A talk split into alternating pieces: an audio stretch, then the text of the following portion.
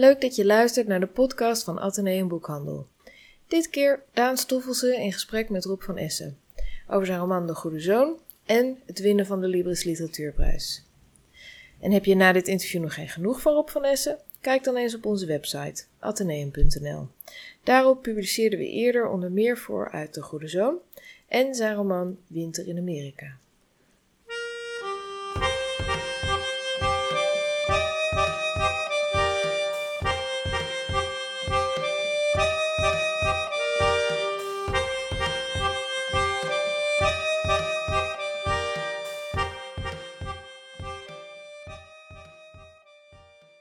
Gaan het vandaag over de goede zoon hebben.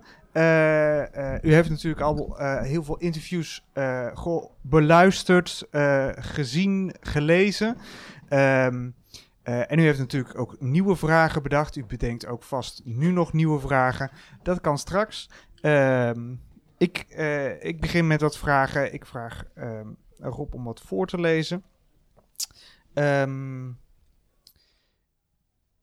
Uh, en ik wil het vooral hebben over hoe dit boek tot stand is gekomen. En um, het is een heel knap boek. Uh, uh, als je het gaat herlezen, realiseer je, je hoe gestructureerd het is en hoeveel verschillende boeken er in dit boek zitten. Ja, het is een heel rijk boek. Um, maar ik wilde eerst mee beginnen je te feliciteren. Dankjewel. Met een van de twee grote prijzen van de Nederlandse literatuur. Um, hoe voelt dat nu? Uh, de voetbalvraag. Uh, slaap je nog? Ben je nog wel eens thuis? Uh, goed, ja en ja. Dit wordt een heel kort interview.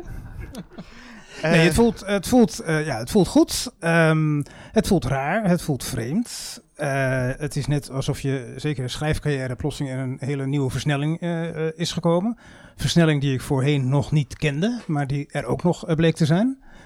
En ik uh, ben nog wel eens thuis. Uh, en ik slaap gelukkig nog steeds goed. Als dat niet zou gebeuren, dan zouden we problemen hebben. Maar vooralsnog hou ik het vol. Tof.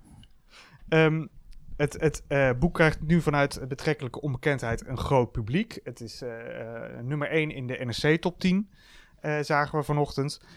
nummer 4 in de landelijke bestseller 60. Dus daar zitten ook de, de, de, de ACO's bij en de...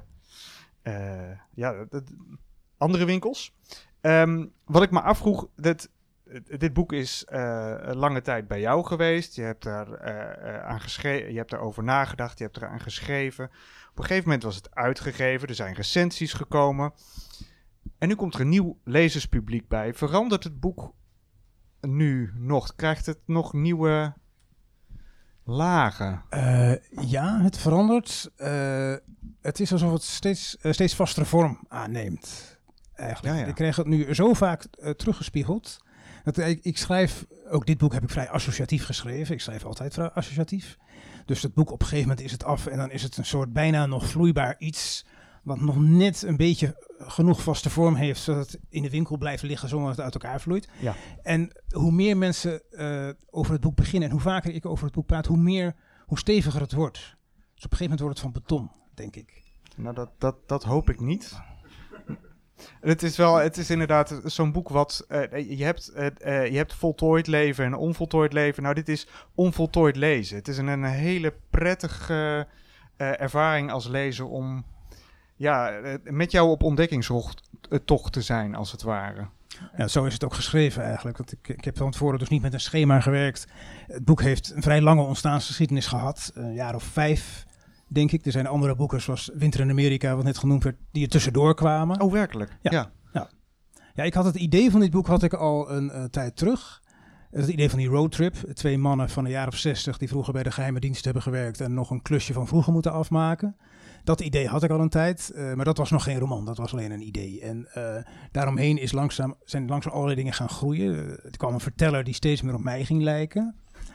En hoewel ik nog geen 60 ben, dus heb ik het verhaal maar in de toekomst geplaatst, in de nabije toekomst, zo'n zes, zeven jaar uh, van nu.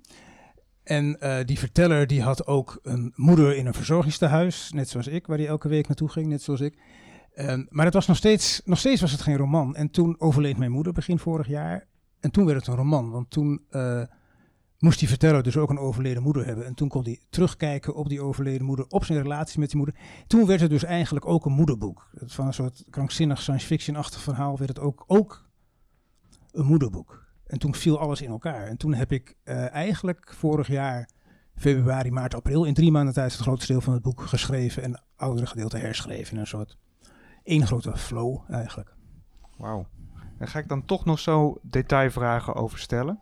Maar, uh, uh, want een flow, dat, is, dat, dat klinkt bijna mystiek. Mm -hmm. dat is het. Um, uh, uh, we hebben het erover gehad dat je uh, wat wilde voorlezen. En ik zei: Heb je zelf een favoriete scène? en ze zei: Ja, het begin. En de, was het begin al in den beginnen er? Of is dit iets wat in de flow erbij is gekomen? Het begin was er eigenlijk redelijk snel. Um, dat gaat over de verteller die in de Albert Heijn bijna ruzie krijgt. Ik wilde hem, ik wilde hem neerzetten als boze man. Boos en machteloos tegelijk, eigenlijk. En denk, dan heb ik de lezer meteen bij de les, een, soort woedende tirade van een paar pagina's.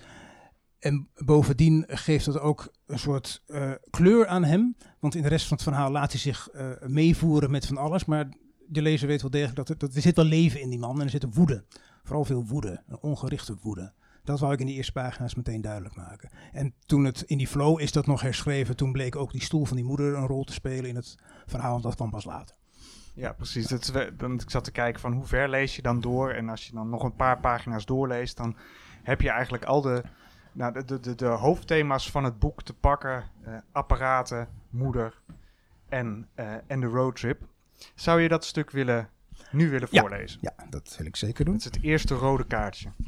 Bij Atheneum werken we met rode kaartjes voor aantekeningen. En die, uh, die komen dus ook in dit boek nu terug. Ik had vandaag ruzie bij de kassa van de Albert Heijn in de Rijnstraat. Bijna ruzie, niet eens echt. De vrouw achter mij zette haar boodschappen al op de band toen ik nog bezig was mijn boodschappen op de band te zetten. Ik kan daar slecht tegen. Iemand maakt inbreuk op jouw ruimte. Op ruimte die in ieder geval op dat moment van jou is. En ik weet ook wel dat je zo geen roman moet beginnen. Ik ben godverdomme geen columnist. Maar wit heet kan ik van zoiets worden. Iemand negeert je bestaan en alleen al daarom zou je haar ter plekke dood moeten maken. En tegelijkertijd was er niets aan de hand, omdat de vrouw zag hoeveel boodschappen ik nog op de band moest zetten en genoeg ruimte overliet. Geen enkel probleem dus. Je zou zelfs kunnen zeggen dat we gestroomlijnd bezig waren met z'n tweeën, alsof we afgesproken hadden het afrekenen zo snel en soepel mogelijk te laten verlopen. Maar dan nog, je zou er op zijn minst een harde duw moeten geven. Om met een breed gebaar al haar boodschappen van de band vegen. Ik zag haar pot jam al uiteenspatten op de tegels. Je zou er op zijn minst moeten kunnen aanspreken op haar gedrag. Maar ook dat kan niet, want ik weet dat ik dan niet uit mijn woorden ga komen. En ik kan wel thuis van tevoren dingen op schrift gaan stellen die je bij dit soort gelegenheden de ander moet toevoegen. Maar ook dan zou ik niet weten waar ik de superieure vanzelfsprekendheid vandaan moest halen om zo'n tekst met overtuiging te kunnen uitspreken. Ik ben niet iemand voor dat soort teksten. Ik ben niet iemand voor dit soort situaties. Ik ben te aardig, te meegaand. Ik zeg toch, ik had bijna ruzie. En in plaats van dat ik daar wat aan doe, heb ik die slappe meegaandheid van me alleen maar versterkt met het boeddhisme en die meditatiecursussen. Wat hebben al die pogingen om mezelf redelijkheid en compassie bij te brengen nu eigenlijk opgeleverd? Er heeft zich de afgelopen jaren in mij een kleine halfbakken boeddhist genesteld. Een kleine kale boeddhist in oranje pij. Ik heb hem vet gemest met meditatiecursussen en boeken en boekjes. En als dank doet hij me de onthechte glimlach voor waarmee ik situaties als die bij de kassa zou moeten begroeten. Laat het voorbij gaan. Het is woede, niet jouw woede. Het is ergernis, niet jouw ergernis. Je veroorzaakt je eigen lijden door gehechtheid aan je stemming. Ik zou de glimlach van zijn gezicht moeten slaan. Het liefst zou ik mijn vingers links en rechts om de randen van mijn ribbenkast haken, de boel uit elkaar trekken en mijn handen naar binnen steken om die kleine kale innerlijke boeddhist eigenhandig te wurgen. Om zijn keel zo strak te omklemmen dat zijn hoofdje opzwelt en zijn oogbollen als kleine knikkers naar buiten schieten om stuk te spatten tegen de muur. Wauw, dankjewel. Graag gedaan. Um, dat, het, je merkt het niet als je het voorleest. Want, maar uh, toen ik het las, dacht ik... Verdomd, het zijn echt gewoon hele lange zinnen. Maar dat, jij laat, de komma's zijn soms uh, in jouw voorlezen, zijn het punten. Ja, het, komma's. Ik ben dol op komma's. Ja. Ja. En puntkomma's. En puntkomma's. En puntkomma's, ja. ja. Ik heb een hoogleraar gehad die daar ooit een ode over heeft geschreven. De puntkomma. Um, ontstaan die zinnen ook zo? Of is er een... Uh, uh, je, je ziet die scène voor je en uh, dan rol- rollen die zinnen er zo uit. Ja. Hoe, hoe zit Rob eh, achter zijn bureau te typen? Computer? Eh, op, ja, gewoon Ja, op de wel laptop eh, achter mijn bureau. Ja, die zinnen rollen er inderdaad uit, als het goed is. Dat zijn geen zinnen waar ik heel lang aan zit te knutselen. Zo'n Ja, scène, nee, dat dat, dat, vraag, ja. dat, dat, dat komt er in, in één keer uit eigenlijk. En dan moet je nog kleine revisies. eh, woorden die dan iets te vaak gebruikt moeten dan veranderd worden en zo. Maar nee, als zo'n scène, die komt er vrij snel uit. En dat is dan, daar werk je even aan en bij de rest van de dag ook te uitgeput om nog door te schrijven. Maar je hebt wel die scène. Kijk, nou, dat, dat, dat gevoel dat krijg je ook wel, die intensiteit. Het, ehm, eh, eh, de inleiding introduceert je hoofdpersoon, maar even later eh, komt de moeder in beeld. Ja. En de apparaten. Het, het eerste apparaat in het boek is een onwillige sta-opstoel. Die een soort ritme geeft aan de, aan de roman. Met het geluid dat hij maakt. Ja, dat is de stap op. Die heeft hij van zijn over- overleden moeder overgenomen in feite. Ja. Wat al een bizarre vondst is. Ja, dat is niet autobiografisch. eh. Nee, dat vroeg ik me bij af. Ja. Ja, nee. dat- Er zijn mensen die verwachten dat die stoel te zien als ze bij me binnenkomen. Maar nee, ik heb hem niet. Nee. Jammer. Nee. Ehm, eh, maar het verpleeghuis van je moeder heeft jou wel dat idee gegeven, die sta op stoel. Of Ja. is dit een, eh, ja... Ja, nee, ze, heeft, ze had zo'n sta op stoel waar ze zelf ook moeilijk mee overweg kon. eh, Met, met al die knopjes en zo. Dat was erg ingewikkeld. Is ook erg ingewikkeld, eh, trouwens. ja nou, dat is, die zijn duidelijk nog in evolutie. Dit is- Ik ben blij dat je al die, die stoel hebt laten doorontwikkelen. Hoewel het al snel een beetje ranzig wordt. Ehm, eh, en het, het, het, het begint dus met die sta-opstoel. Die, nou ja, die is uit onze tijd. En het eindigt met een prototype van een ehm, eh, gewillige zelfrijdende auto. En dan heb je dus nog die road novel. Eh, je hebt net gezegd, het begon met die road novel. Zat daar ook al de toekomst? Nee, dat heb je er later bij bedacht. Nou, die toekomst die, die, kwam, die, ook vrij snel eh, naar voren. Omdat eh, die hoofdpersoon voelt zich niet thuis in zijn eigen tijd. Hij is 60. Hij komt tot ontdekken van ja, de tijd waarin ik nu leef is niet meer mijn tijd. Zoals je dat kan overkomen als je eenmaal boven de 50 bent. Dat je denkt van ja, de tijd is eigenlijk nu van de, voor, van van van de volgende generaties. Ik moet mij daaraan aanpassen. Alles wat ik heb gekend, alle apparatuur en zo is inmiddels vervangen. Dus ik weet niet meer zo goed hoe het werkt. En eh, om dat effect te versterken heb ik hem in de toekomst geplaatst. Zodat hij het effect nog dubbel zou ondergaan eigenlijk. Zodat we die vervreemding met z'n allen voelen. Ga je gang. Ja, zodat die vervreemding nog eens wordt versterkt. Ehm, was het vanzelfsprekend dat die delen op elkaar aansloten? Want het is, het, het, je vertelt het nu, hè, het, het is een verhaal geworden, hè, hoe, dit, eh, hoe dit boek tot stand is gekomen. Eh, en de roman is ook een verhaal geworden. Maar ging het zo makkelijker op Van Essen? Ja, moet ik natuurlijk nee zeggen, want anders zou het flauw zijn. Eh, Maar Ja, het ging, nou, zei- het ging niet. ehm, flow, dus ja. Het ging langzaam eh, tot die flow kwam. En toen greep het in elkaar. En het is ook alleen maar eh, dankzij het feit dat ik het snel geschreven heb, dat eh, ik er volgens mij in geslaagd ben om er één soort spanningsboog in aan te brengen. In al die verschillende elementen. Want ik had inderdaad het toekomstverhaal, ik had die moeder, ik had die road novel. Ik had dus de satirische elementen op de tijd en op de moderne kunst. En dat bleek toch allemaal in één boek te passen. En ik weet zelf ook nog niet helemaal hoe dat is gegaan. Want het nadeel van zo'n flow is dat je achteraf heel weinig herinneringen aan hebt van hoe het nou precies, hoe- detailtechnisch nou precies alles in elkaar is gevat. Het is alsof je eh geblinddoekt of zonder bril een legpuzzel legt en op een gegeven moment denkt, hé, hey, het is gelukt. Dus op metaniveau speelt eh, geheugen en herinnering ook nog een rol bij dit boek. Ja. ja. Ja. Want dat is dus een van de... Het, het geheugen, nou, die, die, die, die moeder dementeerde. Heeft geen geheugen meer. Heeft En geen geheugen meer. Is daardoor gelukkiger dan ooit, in feite. Fantastisch, ja. Eh, en eh, het, het geheugen van de hoofdpersoon, eh, dat, dat, dat, is ehm belangrijke waar voor de geheime dienst. Ja. Daar gaan we niks over zeggen, want het is dus geen plotloze thriller. Dat is ook een van de gimmicks in dit boek. Er zit een plot in en je moet ook niet te veel weggeven. En eh, belangrijk, nou, misschien moeten we nu eventjes iets, een stukje moederboek Ja. voorlezen. Ja. Het, eh, waar is het boek? Daar is het Je boek. hebt het boek. Je hebt het, ja. Het volgende rode kaartje. Het volgende rode kaartje. Oh ja, dan is de roadtrip on- inmiddels begonnen en dan eh, wordt de verteller wakker in een hotel. Goedemorgen, zegt het bed. U heeft 7 uur 33 minuten in bed doorgebracht, waarvan u 5 uur 44 minuten heeft geslapen. Gezien het gemiddelde van uw leeftijd kan ik u aanraken. Stil, zeg ik. Ik heb zachte muziek die uitstekend geschikt is om. Stil, roep ik. Het bed zwijgt. Ik sla het dekbed van me af, slinger mijn benen over de rand en sta op. Vroeger ging dat makkelijker. Ik schuif de gordijnen open. De binnenplaats van het hotel, leeg, geen rokende receptierobo's. Nieuwe avonturen. Liever was ik thuis geweest. Liever ben ik altijd thuis. Ik zit de rest wel uit. Wie is er ooit van reizen gelukkig geworden? Het is ook nog eens woensdag, de dag waarop ik altijd naar mijn moeder ging, maar dat hoeft niet meer. Elke week, elke woensdag. Ook toen mijn moeder al lang niet meer wist welke dag het was. Tot op het laatst glimlachte ze met oplichtende ogen wanneer ze me in de gemeenschappelijke huiskamer op zich af zag komen. Maar dat deed ze bij iedereen die op haar afkwam. Ze was gelukkiger dan ooit die laatste vijftien jaar. Er werd voor haar gezorgd en ze hoefde niets te doen. Dat was iets waarnaar ze haar hele leven had verlangd. En al was ze ongelukkig, zou het dan mijn taak zijn om elke woensdagmiddag dat ongeluk voor een paar uur te verlichten? En voor wie dan? Voor haar of voor mij? Of voor de onzichtbare goden van het geweten, die me sinds de dagen van de godsdienstige opvoeding nooit meer hebben verlaten? De opvoeding die zij me had bezorgd door terug te keren naar die kerk van haar jeugd, net toen ze zelf haar kinderen had gebaard. Midden in de jaren zestig. Het hele land zoop en naaide, maar mijn ouders dachten: kom, we stappen in een tijdmachine en gaan een paar eeuwen terug, toen mensen nog echt in God geloofden. Eert uw vader en uw moeder. Die wetgever voelde ook al nattigheid. Die zag ook wel aankomen dat het niet vanzelf zou gaan met dat eren. Daar was een gebod voor nodig. Of misschien was het vooral bedoeld voor zijn eigen zoon, die hij ooit naar de aarde zou sturen en die daar nog bijna het eeuwige leven bij inschoot. Ach, uw moeder vindt het altijd zo leuk als u komt.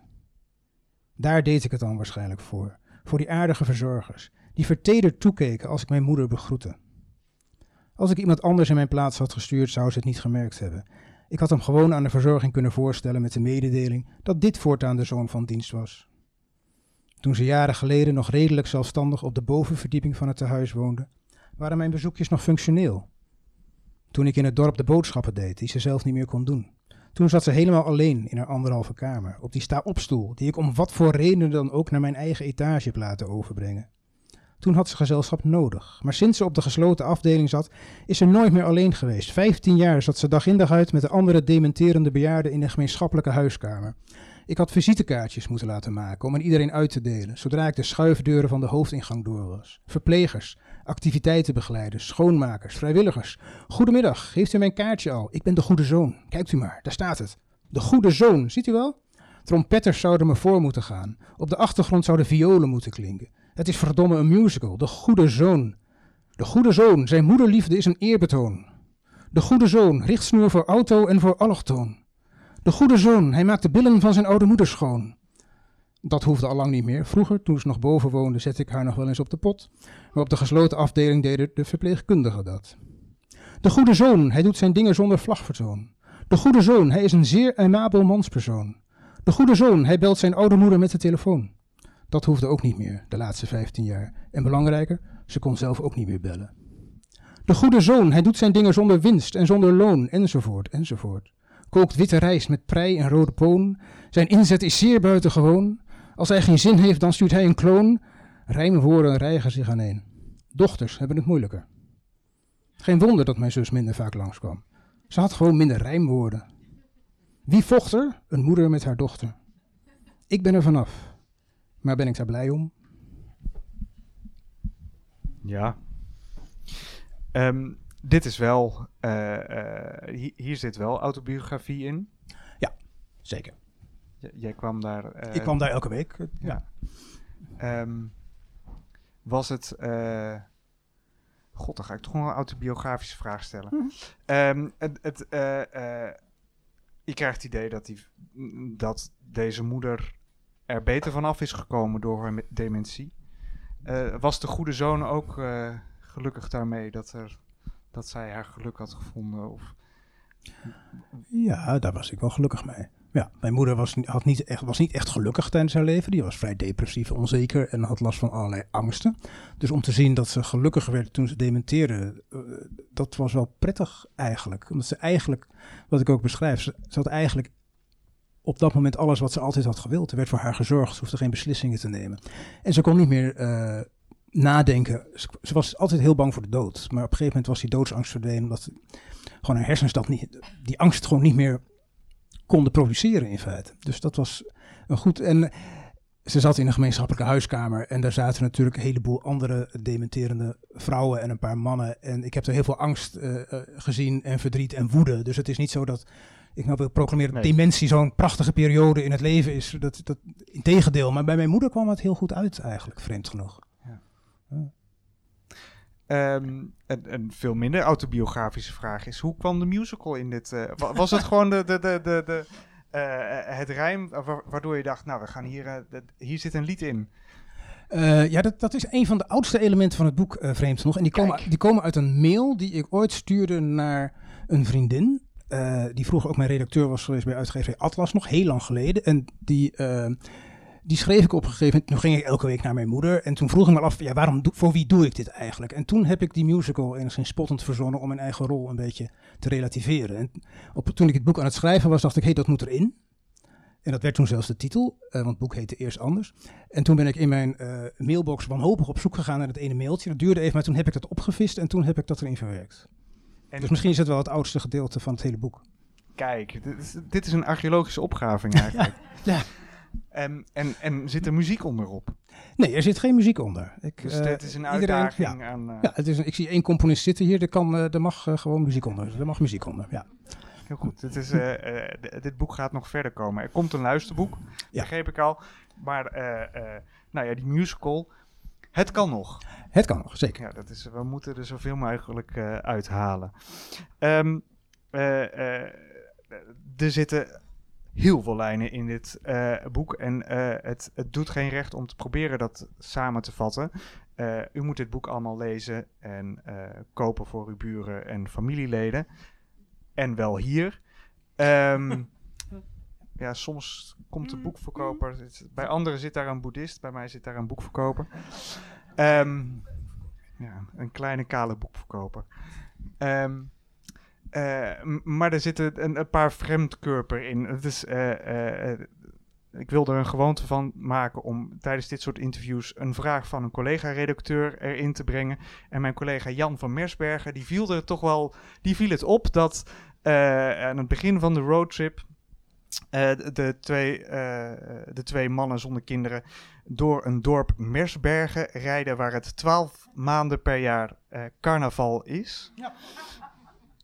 Ja. nou is Jan van Mersbergen de man van het boek over carnaval in Venlo. Kijk eens aan. Hoe kwam dit erin op? Um, dat was, het was, een beetje, was een technische kwestie eigenlijk. Ze ging op een gegeven moment, uh, werd uh, de verteller van huis opgehaald door zijn oud-collega Lennox. En toen moesten ze aan die roadtrip beginnen.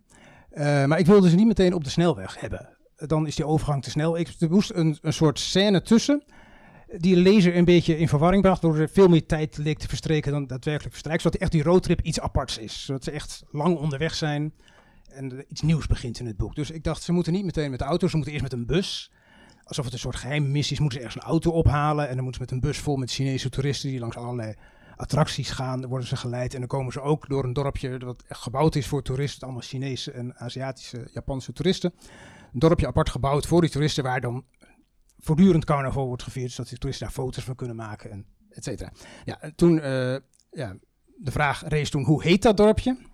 Nou ja, dat Meersbergen leek mij wel een uh, geschikte naam voor zo'n... Uh, klinkt oer Het klinkt heel goed, ja. En toen bleek ook Jan van Meersbergen nog heel toevallig het boek over carnaval geschreven te hebben. En dat, Jij wist dat allemaal niet. Nee. Dat kwam allemaal heel goed uit. Ja, ja dus zo is dat, zo is ja. dat gekomen. Maar het was eigenlijk, het dorpje is dus eigenlijk gewoon een, een, technische oplossing voor een, voor, een, voor een tijdsprobleem in het boek. Of geen probleem, maar een idee wat ik had en wat toen, ja, dat lukte wel. En het is ook natuurlijk, het gaf ook weer uh, aanleiding tot enige satire. En er zit natuurlijk ook heel veel satire in op deze tijd, door deze tijd eigenlijk zeven jaar in de toekomst te plaatsen. Ja, Want nee, dat soort dorpjes zijn er nog niet, maar dat kan natuurlijk een kwestie van seconden zijn. Eigenlijk. Ja, het gewoon even de boel inpolderen en dan, uh, en dan maar gaan bouwen. Ja, groot Amsterdam. Ja. ja. Zo heeft hier op, het, uh, op dit podium Jan van Aken uh, ons wel eens verteld dat hij um, het boek had een boek had geschreven, zijn laatste boek, en toen vaststelde dat historisch gezien het onmogelijk was dat, uh, uh, dat uh, dit personage toen al daar was. Toen moest hij nog een jaar erbij verzinnen. En dat, eh, dan, eh, dan valt dit nog wel mee, deze verbouwing. En eh, een ander thema is, eh, wat, eh, eh, wat secundair is, is eh, de kunst. Eh, en daarin eh, eh, raak je aan wat eh, een van jouw tegenstrevers bij de Libris Literatuurprijs, Ilja Leonard eh, beschrijft. Die heeft het ook heel veel over kunst. Heel veel oude kunst en een beetje nieuwe kunst. Ehm, hoe is dat erin gefietst? Want dat voelde voor mij eh, als eh, iets vreemds. Het, ja, Ja, dat was ook een van de oerthema's van het boek eigenlijk. yes. Eh, het, zou, het zou heel erg over moderne kunst gaan. Eh, uiteindelijk ook in een soort eh, orgie van moderne kunst eindigen in de Middellandse Zee. Maar dat is allemaal vervallen op een gegeven moment. Ja, dat ging iemand anders doen, die orgie en de Middellandse Zee. Blijkbaar, dat, dat was gewoon... de uni- het universum had beslist dat iemand anders die al die ideeën mocht De uitwerken. grote verteller. De grote verteller. Ja, dus ehm, ja, dat is ehm, ook eigenlijk om die vervreemding van, van de verteller, die wel iets van mij weg heeft, te vergroten. Hij raakt eh min of meer verliefd op moderne kunst als hij in een archief werkt samen met die Lennox, als ze allebei begin twintig zijn. Dan hebben ze een klusje in Museum Boijmans in Rotterdam. En dan gaan ze in de lunchpauze altijd het museum in en dan raken ze echt onder de indruk. En als hij dan eenmaal volwassen is, dan ziet hij in het Rijksmuseum, eh, zo'n 20, 30 jaar later, ziet hij die met diamanten beplakte schedel van Damien Hirst. En die is dan, eh, 2009 was dat volgens mij zo, ik weet het niet precies meer. Het staat in het boek. En eh, die was toen midden in het museum eh, opgesteld. Dat museum werd toen verbouwd. En in die zaal eromheen eh, hingen dan de beroemde schil- de staalmeesters, Joodse bruidje, de straatje van Vermeer. En in die zaal moest je dan gewoon wachten tot je die schedel mocht zien. Zo'n keurig afgezet parcours. Dus het, was een soort wachtkamerkunst geworden. En dat maakt zo'n verpletterende indruk op die verteller... dat hij daarna nooit meer serieus naar die oude schilderijen heeft kunnen kijken. Omdat hij ze eenmaal als wachtkamerkunst heeft gezien. Dus in zijn idee heeft die schedel van Damien Hirst al die andere kunst overstraald. En dat is zijn einde met de relatie met de kunst eigenlijk. Dus ook de kunst geeft hem op een gegeven moment geen troost meer. Ja, wat dat betreft eigenlijk heel triest. Ja. Het is, het is eh, eh, op, op momenten hilarisch, op momenten is het heel spannend. ehm, en dus ook triest. Ja, en die diamanten spelen verder ook nog een, een, een, een, rol in het plot, blijkt achteraf. Ja, maar dat plot, dat plot ontwikkelde zich ook. Want de, de, de verteller is schrijver van plotloze thrillers. Eh, dat is eigenlijk de niche die hij zelf tegen zijn zin heeft ontdekt als schrijver. En eh, daar kan hij net van leven, dat gaat goed. En ik wilde van dit boek dus eigenlijk ook een van die plotloze thrillers maken. Maar is kroop mislukt, toch, dat- ja, nee, dat is mislukt. Er kroop gewoon een plot in, dus dat is niet helemaal gelukt. En daarom heet het nu ook De Goede Zoon en niet Mannen zonder Kinderen. Dat is, eh, eerst, het boek heeft jarenlang Mannen zonder Kinderen geheten. Eh, en dat ging ook over twee mannen zonder kinderen, die ook konden doen wat ze doen, omdat ze geen kinderen en geen verdere verantwoordelijkheden hadden. En het boek in het boek, wat, het laatste boek wat hij schrijft en wat dus afgewezen wordt door zijn uitgever, omdat er te veel plot in zit, heet dus Mannen zonder kinderen. Dus het leek me een leuk Paul Auster-achtig trucje om het boek dan ook Mannen zonder kinderen te noemen. Paul Oster, ja, ja, Ja. inderdaad. Ja. Ehm, eh, eh, wat jij eh, hebt gedaan is dit personage jou, jouw verleden geven voor een deel. Een deel van, Een- ja. een deel Ja, niet alles. Nee. Niet die sta op stoel in zijn kamer. De moeder. En vervolgens eh, dat blijkt dit personage zijn verleden weer door te hebben gegeven. Dat, er zit een mooi drosten-effect in. Dus komt eigenlijk geen vraag uit deze oké. Nee, een mooi drost-effect. Ja, prima. dat- ja.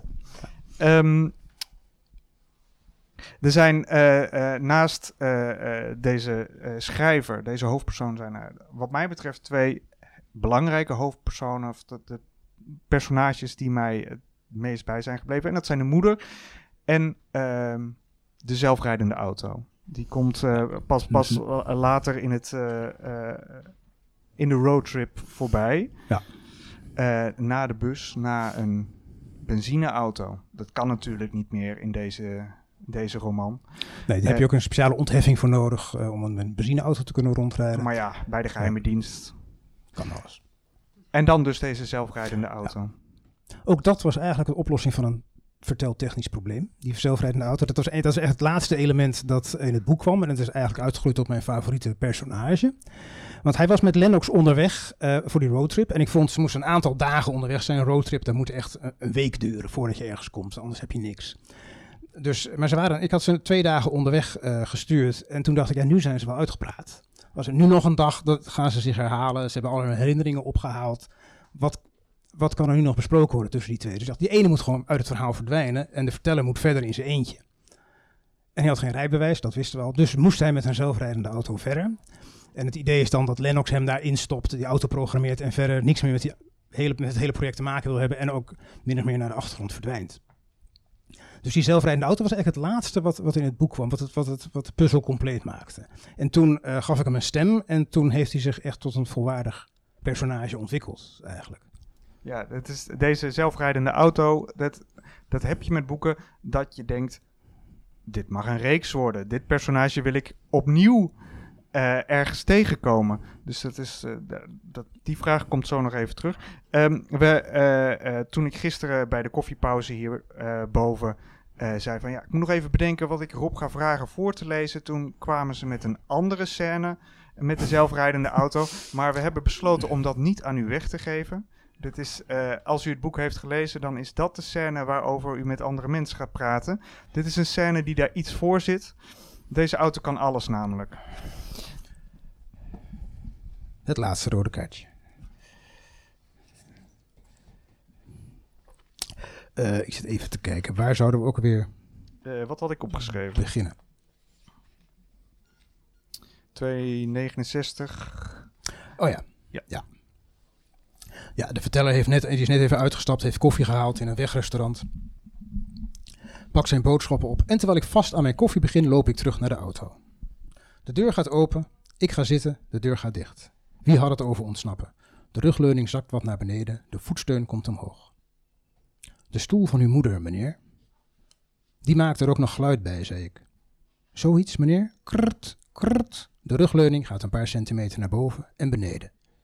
Nee, dat is het niet. Iets zachter. Sst, sst. Nee, nee, iets meer als. Precies, dat was het. Mag ik iets rechtop zitten? Anders mors ik mijn koffie. Dank je. Uw moeder had dan zo'n toetsenbordje met pictogrammen die ze kon indrukken, neem ik aan. Op het scherm in het dashboard komen foto's voorbij van sta-opstoelen. Inderdaad, zeg ik, zo'n stoel was het. En mocht u er dan ook wel eens in zitten? Ik was geen kind meer toen ze die stoel kreeg. Ze was tachtig, ik was toen veertig, te oud om met stoelen te spelen. Neem me niet kwalijk, meneer, ik wilde niet. Nee, nee, het is goed. Ik heb die stoel niet bij mij thuis staan. Op zich heb je gelijk, ik mag er nu in zitten. En dan voelt u zich als een kind zo blij. Wat is dit, sarcasme? Meneer, ik zou niet durven. Net nu we zo'n goede relatie aan het opbouwen zijn. Lichte ironie, verder zou ik niet willen gaan. Speelse ironie, voor de goede verstaander, zoals dat heet. Een categorie waar ik u wel in vind thuis horen, als u mij dat toestaat. Mag ik uit het feit dat u nu de stoel van uw moeder bezit, afleiden dat zij momenteel een betere stoel heeft? Nee, hoewel, die hadden ze ook in hun gemeenschappelijke huiskamer, maar nee, je mag eruit afleiden dat ze dood is. Ach, het spijt me dat te horen. Is ze lang geleden overleden? Nee, nog niet zo lang geleden. En als aandenken heeft u haar stoel. Aandenken, aandenken, ik weet het niet. Toen haar kamertje leeg moest, besloot ik in een opwelling om die stoel over te nemen. Ik heb twee sterke mannen gehuurd met een busje en die hebben de stoel opgehaald en bij me op twee hoog neergezet. En daar blijft hij staan, want hij is loodzwaar. Twee hoog? U woont op de begane grond, meneer. Pardon, sorry hoor, maar ik weet toch echt wel hoe hoog ik woon. Ach, neemt u me niet kwalijk, ik zit u nog met de gegevens van de heer Lennox.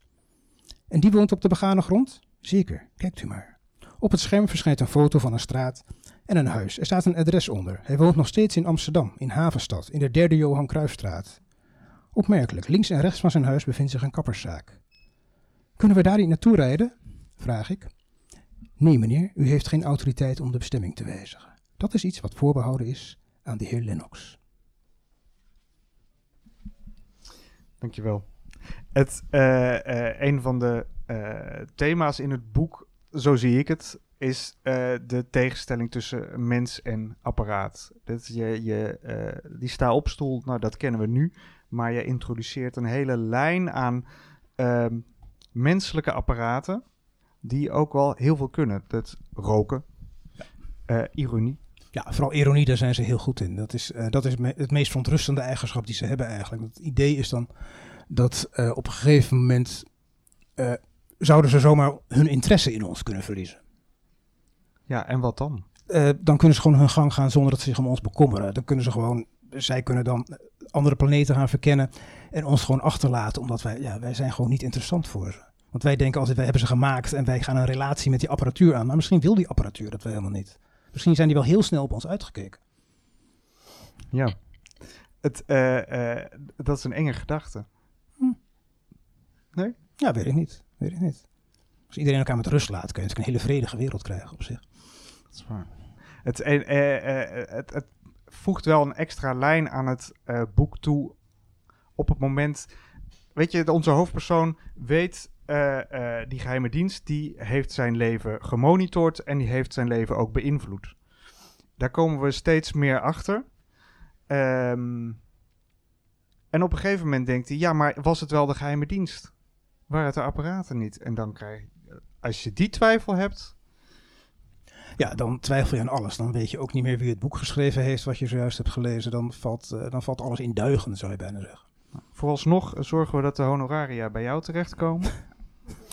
Ehm ik, eh, eh, ik heb even geen vragen meer, maar misschien de mensen hier in het publiek. Heeft u vragen voor Rob van Essen? Ehm, ik, ja, opgemerkt, ik heb het boek gelezen, ik zal niet te veel over de inhoud vertellen, maar eh, het zijn zeven hoofdstukken, zeven dagen. Dat denk je al snel, scheppingsverhaal. Zit daar nog Eh, dat kwam goed uit. Eh, ik had het niet van tevoren zo ontworpen, maar toen ik dacht, hé, hey, het zijn zeven dagen, toen dacht ik van, hé, hey, dat, is, dat is een cadeautje. Ik, Stephen King heeft ooit een schrijfboek gemaakt, eh, On Writing, en daarin zegt hij ook dat je heel erg voorzichtig moet zijn met het stoppen van symboliek in je werk. Dat wordt altijd looiig als je dat er bewust in gaat stoppen, maar op een gegeven moment merk je vanzelf wel wat de symbolen zijn en dan mag je ze ook uit gaan baten. En dat was eigenlijk dit ook. En dat het een scheppingsverhaal is, of zoals een lezer laat zijn, een omgekeerd scheppingsverhaal, omdat je als het ware verdwijnt aan het eind. Ja, dat is een aardig cadeau onder het schrijven zelf. Ja. zeven dagen dus. Zes hoofdstukken, zeven dagen. Iemand anders? Ja, mevrouw. Vertel. Ik ben zo benieuwd of jouw collega die die leuke vraag had verzonnen, nou vereerd was door het dorpje Mersbergen of dat hij zich opeens in de lading genomen voelde. Ja, of Jan van Mersbergen zich vereerd voelde dat hij genoemd werd in dit boek. Ehm, eh, eh, Jan is eh, moeilijk te lezen, maar ik denk dat hij het een, dat hij het een mooie grap vond. En, er staat in het boek, er staat, bij dat dorp staat een, een groot billboard, 12 maanden per jaar carnaval. En zijn reactie daarop was, dat kan natuurlijk niet, dat moet 11 maanden per jaar zijn. Dus dit is voor de volgende druk. Nee, het blijft gewoon 12. Oké, oké. Jij de baas. Mijn boek. Jouw boek.